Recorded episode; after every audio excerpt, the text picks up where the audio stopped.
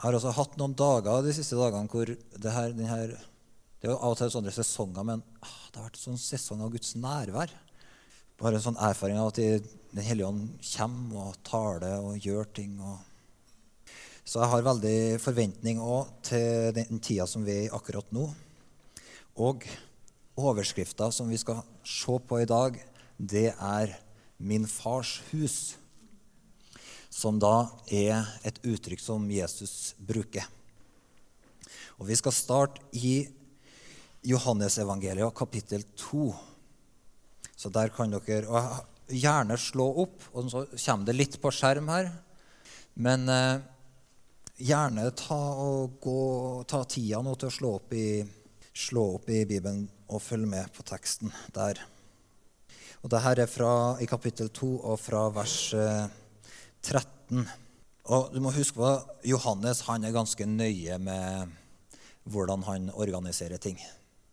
Så når eh, det her er helt i introduksjonen til Johannesevangeliet, så han har starta i kapittel 1 med en, en helt fantastisk presentasjon av Jesus som ordet som ble menneske, som var fra evighet av. Så han liksom åpenbarer Kristus da fra evighet og til evighet, som er mer enn bare en tømmermann, men som er Guds evige sønn. Og så går han videre her da i kapittel 2 og begynner da å bygge opp forståelsen av hvem Messias, Kristus, Guds sønn, er. Og da plasserer han da eh, her eh, i kapittel 2 fra vers 13 historien om når Jesus da kommer inn på tempelplassen. Det var nå like før jødenes påskefest, og Jesus dro opp til Jerusalem. På tempelplassen fant han dem som solgte okser, sauer, duer og pengevekslerne som satt der. Da laget han seg en svepe av tau og drev dem alle ut av helligdommen, og sauene og oksene deres med dem. Han strødde pengevekslernes mynter utover og veltet bordene deres, og til dem som solgte duer, sa han, få dette bort, gjør ikke min fars hus til en markedsplass. Disiplene hans husket at det står skrevet brennende, brennende iver for ditt hus skal fortære meg. Altså skal brennende iver for ditt hus skal ødelegge meg eller drive meg i døden eller fortære meg. Da tok jødene til orde og, og spurte han, kan du vise oss et tegn på at du har rett til å gjøre dette? Jesus svarte, riv ned dette tempelet, og jeg skal reise det opp igjen på tre dager. I 46 år har de bygd på dette tempelet, og du vil reise det opp igjen på tre dager, sa de. Men det tempelet han talte om, var hans egen kropp. Da han var stått opp fra de døde, huska disiplene hans at han hadde sagt det her, og de trodde Skriftene og det ordet Jesus hadde sagt. Så Jesus kommer inn på tempelplassen og presenterer seg ved å ta et skikkelig brennende oppgjør med at det var gjort til en markedsplass. Og så hører du på en måte Jesu autoritet når han da står fram og sier 'Gjør ikke min fars hus til en markedsplass'. Det er den evige sønnen som står her og taler på vegne av sin egen far og sier 'Gjør ikke min fars hus til en markedsplass'. Og så står det da videre her da om at eh, disiplene huska, hans huska at det står skrevet 'Det brennende iver for ditt hus skal fortære meg'. Så denne nidkjærheten som Jesus hadde for Guds hus, det var det som til slutt fortærte han. Så Jesus han hadde en brennende iver for min og din frelse, for det evige livet vårt, som fortærte han på korset. Som drev han til døden. Men ikke bare det, han hadde òg en brennende iver for Guds hus, som drev han til korset, og som til slutt ble liksom hans bane. Eh, så den brennende iveren som vi finner i Jesus sitt hjerte, det er ikke bare fordi han elsker deg og ønsker på en måte å gi deg et evig liv, men den brennende iveren i Jesus sitt hjerte er òg at han ønsker å bygge deg inn, så du kan være en del av et hus. Min fars hus. Så det her iveren for huset var det bl.a. som drev Jesus til korset. Så da skjønner vi at hvis vi ser på Jesus, så har vi et oppdrag ikke bare om å bringe evangeliet om hans død og oppstandelse ut til alle mennesker, men òg til å ta del i den nøden hans om at min far skal få et hus et nytt tempel. En bolig mellom menneskene. Og det her eh, oppdager jo, skjønner jo disiplene eh, i etterkant av hva Jesus mener når han sier 'riv ned det her tempelet, og så skal jeg reise opp et nytt igjen på tre dager'. Eh, at, og da forstår vi at når han sa det, så skjønte ikke disiplene hva det her handla om. Og antar, i hvert fall ikke noen av de andre som hørte. I 46 år har de holdt på å bygd. Så, så det, det, det, virker ikke som om de er ferdigbygd engang. De har holdt på i 46 år, men vi er ikke helt i mål ennå. Og så vil du reise opp et nytt et på tre dager. Kom an, liksom.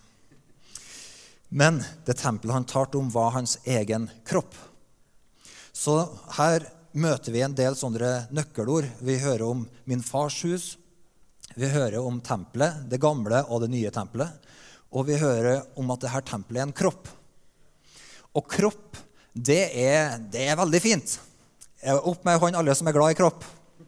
Yes, Ja, det er noen som ikke er så glad i kropp, men det, da skal, i løpet av dagen her, så skal du bli, eller i løpet av de neste fem minuttene så blir du veldig glad i kropp. For da skal jeg forklare deg hvorfor kroppen er så bra. Fordi kroppen din er på en måte en representasjon av deg sjøl. Den er deg, men den òg representerer deg. Så hvis vi ser for oss at vi alle er her i rommet uten kropp, så er vi plutselig veldig sånn udefinerbar. Og jeg og Mats på en måte bare flyter over i hverandre. Men, men Gud er ikke sånn. Ok? Gud elsker kropp. Guds kropp er topp. Og eh, han har skapt kropp. Og du vet, en del sånne østlige religioner de har en sånn visjon av at liksom, i evigheten så skal kroppen opphøre, og så skal alle på en måte bli til ett med Gud på en slags ikke-kroppslig måte. Det er ikke Guds evangelium. Det er ikke Guds sannhet. Gud elsker kropp, og evighetsbudskapet er at kroppen skal oppstå på den siste dag til uforgjengelig liv. Så kropp er en del av evigheten fordi Gud ønsker å ha en litt ryddig verden, der ikke liksom sjelen vår bare flyter rundt i sånne eh, udefinerbare greier, men der du kan se her er Ingrid Elise, her er Marius, her er oppstandelses Håkon, osv. Kroppen er en gave fra Gud. Og gjennom kroppen så ser du mange ting. Du kan åpne øynene, og så ser du gjennom det som kalles sjelen sitt vindu. da, og det er ikke bare et poetisk språk, men det er sånn snakker Bibelen nå. At du gjennom øynene så kan du se liksom, inn i det indre mennesket. Der ser du om det er en glede der, om det er dyp sorg, om det er, om det er liksom en, et eller annet Om det er noen som går og, og, og holder på og skal lure deg. så ser, i hvert fall Jeg ser det på mine barn. Jeg ser det i øynene. Før jeg vet at jeg er lurt, så ser jeg at de holder på og skal lure meg. Uh, og så videre. Så øynene forteller oss veldig mye av hva som skjer på innsida. Og kroppen vår den representerer òg Du kan se på et motløst menneske, så ser du ofte det i måten de beveger seg på. Mens når det er noen som vet hvor de skal hen, eller er begeistra for noe, så går de på en annen måte. Og vet dere? Jesus han vil ha et hus som er en kropp som representerer han. Og gjennom kroppen så ser du hvor modent et menneske er. Og Det er bl.a. pga. nesa, for den vokser hele livet har jeg hørt. Og det tror jeg stemmer òg. Eh, og da, så gjennom nesa blant annet, så ser du hvor gammelt et menneske er. Og Sist gang jeg spurte om det, så ble det noen som tippa Det var faktisk i forrige års. Og da var det noen som tippa at jeg var 43. Og det er feil, for jeg er bare 40. Så da tenkte jeg da har jeg ekstra fin nese. Fordi at de tenker at jeg er litt eldre enn jeg er. da. Men kroppen forteller noe om hvor i modenhet du er. Og sånn er det med Jesu kropp òg. Alt det her. Jesus, han, når han snakker om menigheten sin som en kropp, så er det fordi at den representerer han. Den representerer han i det livet som er på innsida av han, kommer til uttrykk. Hans kjærlighet og nåde kommer til uttrykk. Har du sett inn i nådefulle øyne noen gang? Det har jeg gjort. Det å oppleve å få nåde av mennesker. Men tenk deg å se, erfare Jesu kropp, et møte med Jesu kropp full av nåde full av sannhet, full av integritet, full av liv, full av kraft. Vet dere, denne verden skal få se Jesus gjennom et modent uttrykk av kroppen hans.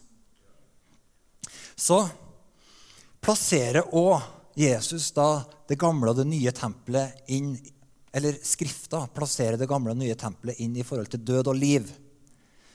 Så når Jesus snakker om at det skal komme et nytt tempel opp av grava, eller disiplene kommenterer og forstår det, at det skal komme et nytt tempel opp av grava, som er hans kropp, reist opp på tre dager et nytt gudshus, som er et hus av kjøtt og blod, av levende mennesker som har blitt født inn i Jesu kropp, så plasseres forståelsen av menigheten da inn i forhold til død, grav, evig liv, oppstandelse.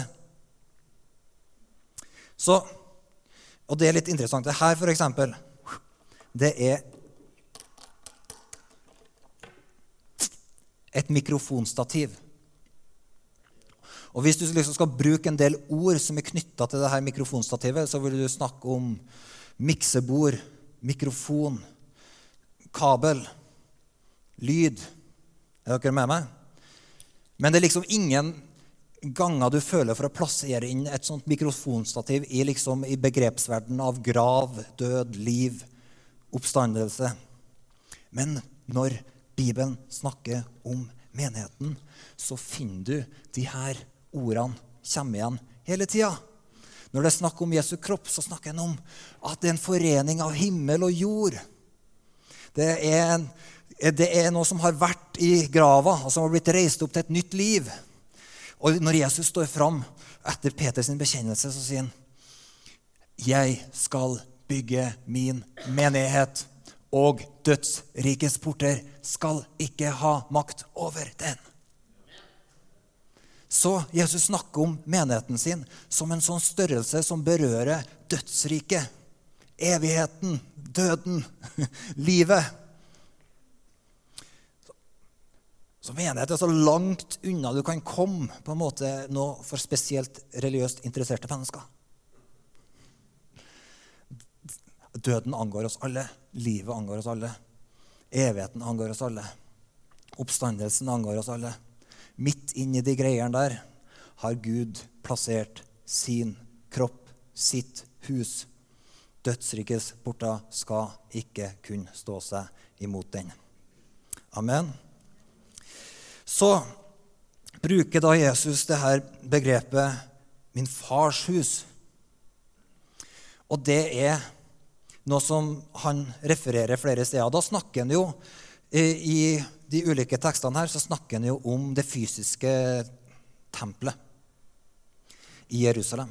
Han adresserer det som sin fars hus. Men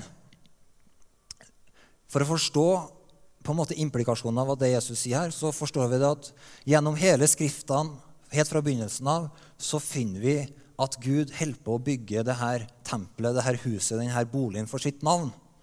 Og i de apostoliske skriftene i Det nye testamentet så får vi i klartekst høre at den levende Guds tempel er Guds menighet. Og det blir gjentatt på nytt og på nytt og på nytt gjennom hele Det nye testamentet.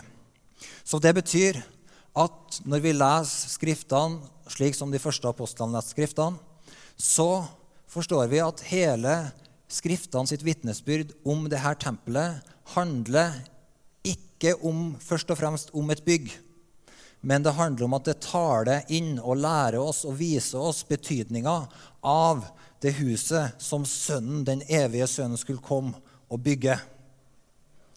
Så når vi òg leser Jesus sin undervisning om farshuset, om tempelet, så forstår vi at han òg, kanskje mest av alle, taler ikke bare om tempelet slik det sto i Jerusalem, men han taler inn i det tempelet som han sjøl reiste opp fra grava. Så bruker han da det her uttrykket 'min fars hus'. Og det betyr at faktisk i dette avsnittet så står ikke ordet Eller enkelte ganger når dette uttrykket er brukt, så sier den norske oversettelsen 'min fars hus'. Mens ordet 'hus' står ikke der. Det står bare 'i min fars' I min fars. På en måte, på, på den gamle engelske King James er det 'in my father's business'. Så det Jesus sier, at jeg må være i min fars sfære, i min fars hus. Og det her farshuset, da, det er for det første så er det kjennetegna av at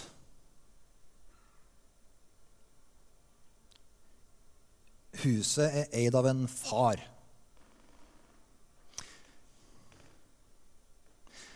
Og det, da tok, så tok jeg en sånn kunstpause. Det var for at du skulle få tenke etter. Ja, huset er eid av en far. Hva kan det bety? Det sier noe om hensikten med huset. For en, hensikten med en far det er først og fremst at han er opphav. Du snakker ikke om en far på en måte uten at han er opphav til en familie. Så det første vi skjønner når vi kommer til Guds hus, det er vi skjønner at Guds hus er en familie. Men det er på en måte Skriftene begrenser ikke Guds farshjerte på en måte til bare til å gjelde denne gjenfødte familien av barn som på en måte har blitt født inn i hans familie ved Jesu Kristi oppstandelse fra de døde. Men når du leser om Guds farshjerte, så er det et farshjerte som strekker seg langt ut. La oss gå til Salme 68 og vers 6-7. Det skal vi ta og lese sammen.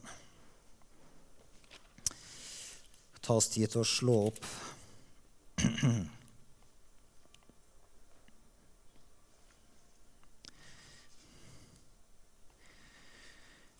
Gud i sin hellige bolig er farløses far og enkers forsvarer.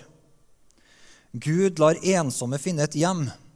Han fører fanger ut til lykke og trivsel, men opprørere må bo i et øde og avsvidd land. Så her er det sånn at Salmisten han ser Gud i sin hellige bolig, og så begynner han å forklare hva det er han ser når Gud er i sin hellige bolig. Jo, han ser at han er de farløses far og enkers forsvarer. Og at han er den som lar de ensomme finne et hjem. Så farskapet til Gud det strekker seg særlig ut til farløse, enker, ensomme. Altså de som ikke har noen som står der som en far eller som en familie. Så kan du tenke ja, det er jo urettferdig. Jeg har jo en familie. Er ikke Gud liksom først og fremst min far? Jo, han er din far òg, men på en måte han er, Hjertet hans er enda mer opptatt av de farløse, enkene, de ensomme. Og når du ser Gud i hans hellige bolig, som salmisten eh, beskriver her, så er på en måte det, det, han ser når han ser Gud i boligen sin, det er at det her huset det er et farshus. Det er et sted der det er plass, der det er rom for, der det er familie for, der det er vern for. Farløse og enka vet du, de har det felles at de mangler denne forsørgeren. Det er vernet. Og i vår eh, vårt samfunn så ser ikke vi det så tydelig, men det er like tydelig her òg. Hvis du treffer noen som har vokst opp som farløs, så vet du at de har et savn etter en far i livet sitt. Men Gud er farløses far og enkers forsvarer. Som betyr at hvis vi er med å bygge huset til Gud, så er det her stedet fordi Gud er en far, og fordi vi er i farshuset, så er dette stedet a special place for farløse, enker, ensomme. Og det her finner du sånn. Det ligger liksom så tykt igjennom de ulike skriftene. F.eks. I, i, i Lukas 14 så, så, sier Jesus det her når han er i en, en fest. Og så, og så, sier han til verten at du, når du har fest, ikke innby de folka som kan be deg igjen, men innby fattige, uføre, lamme og blinde, de som ikke kan be deg igjen. Så akkurat som Jesus sier, hei, forstå, det er et farshus her som du er en del av. Ikke, ikke bare lev for deg sjøl, men han som er vår himmelske far, og som bygger dette huset, han har dette hjertet for blinde, lamme, uføre. De som ikke kan be deg tilbake. Lev i en sånn gjestfrihet. Sånn er huset mitt. Sånn er dette stedet et sted for mennesker til å finne familie, til å finne et hjem. Og de finner farshjertet. Og farshjertet det er sånn at det er ikke barna som samler til fedrene, men det er fedrene som samler til barna. Sånn er det. Sånn har det alltid vært. Så farshjertet til Gud det er alltid på giversida. Og når huset hans blir et farshus, så blir vi et sånt hus av givere som demonstrerer Guds farshjerte i møte med verden. Det handler ikke om du er kvinne eller mann. Det handler bare om at du er en del av farshuset. Så lever du ut denne sida av farskapet for de farløse enkene og de ensomme. Dette er viktig for oss som menighet i tida vår. Ensomheten i byen angår oss. Ensomheten på, på studiesteder angår oss. Ensomheten i bydelen angår oss. Jeg kjenner en, en, eh, en fastlege som sier at av og til så har jeg folk som bare kommer på kontoret mitt, og så sier de Hei, godt å se deg. Jeg har bare booka time, for jeg er så ensom. Jeg trenger noen å snakke med. Du er den eneste jeg har tilgang på. Så sitter de der og prater og betaler egenandelen sin og går hjem. Og jeg tenker det her skjer i Trondheim. Det fins et farshus i denne byen. Men eh, kjære Gud, gi oss nåde til å alltid ha plass til de farløse, til de enkene, til de ensomme. Og veldig ofte så henges det på et ord til i denne sammenhengen, og det er de fremmede. Så blir vi snakke om de fremmede, de farløse og enkene som særlige målskiver for Guds farshjerte.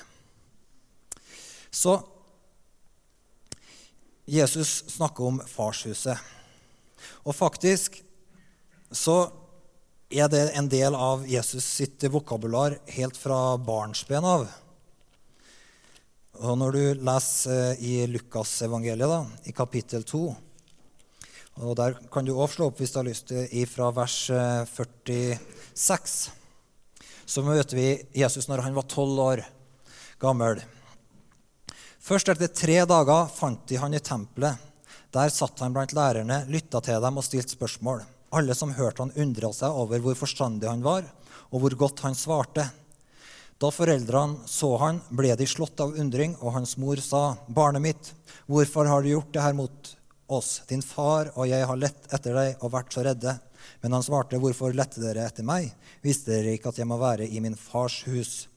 Men de forsto ikke hva han mente med det han sa til dem. Så Jesus han visste at som tolvåring at han måtte være i farshuset. Og det som vi legger merke til da i denne sammenhengen, det er veldig enkelt at han, han var i farshuset for å få på en måte sin åndelige oppdragelse. Han satt der sammen med de som kjente Skriftene, og så stilte han spørsmål, og så stilte de spørsmål til han. Og så var han på en måte i en sfære der han kunne få lære å kjenne Gud. Og han var avhengig av det, for det var en del av den åndelige veksten hans som antageligvis Josef og Maria ikke kunne hjelpe ham inn i, som gjorde at han kjente et sterkt behov for å være i farshuset for å arbeide med de her spørsmålene og svarene og skriftene og tekstene og grave ned i dem sammen med folk som kjente skriftene, og som kunne være på en måte hans åndelige foreldre som tolvåring i tempelet. Så farshuset som Gud bygger, det har, gjør oss til en familie, men det gir oss søsken og åndelige foreldre. Og det er fantastisk. Så når du er en del av en fungerende menighet, så vil du kunne si det her er mine søsken, og det her er mine åndelige foreldre. De her kan jeg gå til med de spørsmålene som er for uh, Som mine uh, kjødelige foreldre ikke kan hjelpe meg med. Her kan jeg få en fostring i forhold til det kallet jeg har. Her kan jeg få en disippelgjøring og en hjelp til å leve med Kristus. Uavhengig om du har kristne foreldre eller ikke, så kan du oppleve at du møter åndelig farskap og morskap i Guds hus. Og det er en av velsignelsene ved at det er et farshus. Gud bygger familie, han gir oss åndelige foreldre, han gir oss søsken. Eh, og søsken er fantastisk, fordi at søsken bestemmer vi jo ikke sjøl, de bare gir Gud. Og søsken har en sånn oppdragende effekt av at du blir ikke oppdratt bare av storesøsken, men du blir òg oppdratt av småsøsken. Så storesøsken, både storesøsken og småsøsken, kan være vanvittig irriterende. Og det er en del av oppdragelsen å håndtere det irritasjonsmomentet. Og i Guds hus er det også sånn at du finner søsken som du opplever er krevende, men som du vet at det her er søsken. Så det er liksom blod er tjukkere enn vann. Pakt er tykkere enn alle andre relasjoner. Så når du har kommet inn i en ny pakt med Jesus Kristus, så fikk du ikke bare liksom Å, Jesus og meg i pakta, liksom. Men du fikk liksom Jesus og og de søsknene der har en sånn effekt. Noen kan du se på og strekke deg etter, andre må du ta deg av. Og så ser du en søster eller en bror som, som, har trøbbel, og som ikke får det til. Og så tenker du jeg har egentlig lyst til å sitte på rommet liksom, og spille PlayStation, men ah, jeg er jo en storesøster, jeg er en storebror. Jeg må vel bry meg opp med korset inn i situasjonen. Søsken er en velsignelse. Gud bruker det til å forme oss. Så det at du bryr deg om folk rundt deg, og at andre bryr seg om deg, det er en del av Guds opplæring. At han gir deg søsken som du elsker å være sammen med, og søsken som utfordrer deg, og som du syns er krevende å være i samme rom med, er òg en del av oppdragelsen. Og Av og til så gir Gud deg krevende søsken, kanskje fordi han ønsker at du skal være med og nå ut med evangeliet til folk som er veldig annerledes av deg sjøl. Så han plasserer liksom i husgruppa di en person som du syns er litt sånn krevende å være rundt, for at han skal trene deg for å nå en person på arbeidsplassen din som kanskje krever at du strekker hjertet ditt litt ut. Det er en grunn til at denne personen er litt ensom for tida, liksom. Men du kan være svaret. Så Gud former oss i farshuset. Og det er en stor velsignelse. Og I løpet av høsten her så skal vi bl.a. få høre Terje dele mer om hva det vil si, hvordan kan hver enkelt av oss være en åndelig mor eller en åndelig far. Så det kan dere glede dere til. Men vi trenger å se på den sida der, fordi det er veldig, veldig behov for søsken og foreldre. I møte med både nye disipler og for at vi sjøl skal leve sunt. Og Jesus han erfarte i farshuset, så fikk han hjelp til å vokse bl.a. inn i forholdet sitt til Skriftene. Lukas evangeliet, kapittel 19, kan dere bla mot, og vers 45. Bare la meg kommentere på det med farshuset at når vi oppdager at menigheten til Gud er et farshus, så oppdager vi òg at det er ikke tjenesten vår eller rollen min som på en måte definerer hvorvidt jeg er med i en menighet eller ikke. Jeg møter så utrolig mange mennesker som definerer liksom menighetslivet sitt ut fra en tjeneste eller en rolle. Så hver sommer så snakker jeg med en litt sånn forskjellige ungdommer som er på reisefot. og Det gjorde jeg jo i sommer. I sommer snakka jeg med en som skulle flytte til en ny by. Så sa, sa, han ja, har du tenkt å finne en menighet når du kommer til den byen. Ja, sa han. Ja.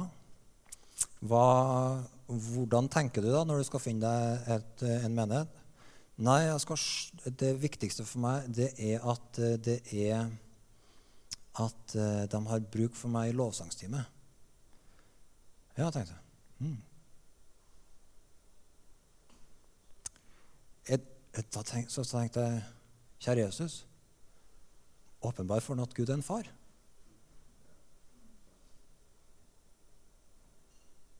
Vis ham det. At du er en pappa. At det grunnleggende er jeg trenger å erfare Guds farskap gjennom søsken, gjennom et lederskap som jeg kan stole på. Eh, at det osv. At jeg finner en familie. Og at jeg hører til ikke ut fra hva jeg kan levere eller prestere eller gjøre, eller sånne ting, men fordi jeg er Guds barn, så hører jeg til i Guds hus. Finito. Om jeg har en dårlig dag, kom til Guds hus. Dette er ikke et sted for å prestere ting, det er et sted for å være et Guds barn. Om du har en god dag, kom til Guds hus. Dette er ikke et sted for å prestere på, det er et sted for å bare være Guds barn.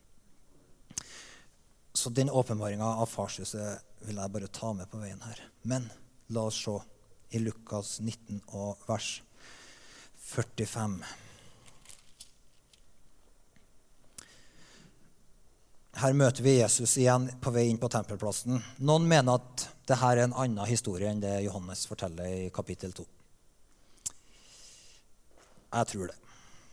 Men Johannes han er ikke så opptatt av kronologien. Han er mest opptatt av å formidle poengene sine. Så da plasserer han tekstene litt sånn. Men her står det Så gikk Jesus inn på tempelplassen og ga seg til å jage ut dem som drev handel der. Han sa, det står skrevet, Mitt hus skal være et bønnens hus, men dere har gjort det til en røverhule. Hver dag var han på tempelplassen og underviste. Så her møter vi igjen Jesus med full av nidkjærhet for huset til Gud. Og så, begynner, så proklamerer han denne sannheten. Huset mitt skal være et bønnshus. Og En annen evangelist han refererer på at Jesus sier at huset mitt skal være et bønnens hus for alle folk. Så farshuset, det er et bønnehus. Så bønn er på en måte ikke noe som er ved siden av menigheten. Og I vår tid så er på en måte bønnehus veldig sånn trendy, at man skal bygge bønnehus. Men menigheten er et bønneshus. Så det beste er hvis vi ikke bygger sånne bønnehus som er utafor liksom, menigheten sitt liv, men hvis det blir en del av pulslaget til menigheten Nå skal ikke dere ta det til inntekt for at jeg står her og preker mot bønnehus. Også. For det, det, er jeg 100% for. Men det som jeg ikke er for, det er denne visjonen som på en måte har begrenser menigheten til å være liksom noen ting. og så plasserer du misjon utenfor menigheten, så plasserer du bønn utenfor menigheten, og så plasserer du utenfor Nei, nei, nei. Jesus han gir oss en visjon av at huset hans er en kropp med et oppdrag, og at huset hans er et farshus med en familie. Og at huset hans er et bønnshus der folk kan komme og erfare Guds nærvær. Så bønn er ikke bare forbønn for behov og problemer, og sånne ting, men bønn det er det her huset der du kan komme og erfare at Gud er her. Gud taler til oss, Gud møter oss, Gud handler mellom oss. Det er et sted for lovprisningsoffer. Og Hvis du studerer på tempelet gjennom den gamle pakt, så finner du at offertjenesten og prestetjenesten da, er noe av det sentrale i tempelet. Og det er det òg i den nye pakt, hvor vi bærer fram lovprisningsoffer til Gud. Og hvor vi er gjort til et hellig presteskap som går i forbønn for folk og land og som er med å bringe ut står i forsoningens tjeneste, som prestene sto i, og er med å bringe ut evangeliet til mennesker. Så, men Guds hus er et bønnens hus, og, og, det er et sted for lovprisningsoffer. Og det her er også sånn at Jesus på en måte, han rydder tempelet for å gjøre det poenget. Så det betyr det her er kjempeviktig for Jesus. At huset hans er et sånt bønnens hus. Som betyr at han prøver å fortelle også noen ting her. Av at eh, det å være Guds hus, det å være den levende Guds tempel, det er å være et sted der vi tar og gir prioritet til bønn, tilbedelse og til å være et folk i Guds nærvær. Og her skjer det veldig mye og spennende i Trondheim for tida. Så det ene er det som vi trenger å arbeide med imellom oss i forhold til å se ok, vi La alle husgruppesamlingene være et sted for bønn, lovprisning, for å møte Gud, for å være i hans nærvær. La oss se på hvordan kan vi sammen tenke forbønn litt sånn systematisk i forhold til de tingene som vi ønsker å se at nye dører åpnes og, og gjennombrudd på. Hvordan kan vi se det inn i, i husgruppene våre, inn i, i gudstjenestene, andre arenaer? Hvordan kan vi bli et bønnens hus som arbeider i forbønn? Her, jeg kommer ikke med svar til dere nå, men jeg, tenker, jeg bare kaster det ut sånn. Og så er vi òg en del av Kristi kropp i Trondheim by. Og her og på det planet også skjer det nye ting i, akkurat i denne tida. Og en av de tingene er at i løpet av denne høsten og våren så jobber vi som menighet i byen sammen med Anders Skarpsno fra Levanger, som kommer og vil ha fire eller fem sånne kvelder i tilbedelse og lovsang og bønn, der vi samler byen. Søndagskvelder. Eh, og vi tror det er viktig, da, det som skjer der. Fordi at når Jesus snakker om huset sitt, snakker, og når han snakker om huset sitt i Trondheim, så snakker han ikke bare om kristent fellesskap i Trondheim, men han snakker om kroppen sin. Alle som er født på ny. Så vi er en del av, en del av en, denne, jeg er en del av denne menigheten, men jeg er jo en del av Kristi kropp i Trondheim. Og, og, det gjør at det å ha prioritet på det som skjer sammen med Jesu kropp på det området av bønn og tilbedelse, det er med å gjøre at Jesus får det her huset, som han vil sa. Mitt, mitt hus. Det skal være et bønnens hus for alle folk. Og så er det òg en tid for åndens gaver og de profetiske gavene til å forløses og Den hellige ånds nærvær, som handler om at vi har en visjon av at vi er et bønnens hus som ikke på en måte er et bønnens hus bare på samlinga, men vi er, bærer med oss Guds liv og Guds nærvær overalt hvor vi er. Så det å være en, at Gud bygger bønnens hus, det handler om at vi blir en del av et bønnehus som bærer med oss Guds nærvær overalt hvor vi er. Og som gjør at at eh, Den hellige ånd kan stoppe oss, han kan minne oss på ting, han kan tale til oss, han kan tale gjennom oss, han kan berøre folk, han kan helbrede. Fordi bønnehuset er en kropp. Så bønnehuset er ikke et sted og et tidspunkt, men det er en kropp for Jesus. Amen.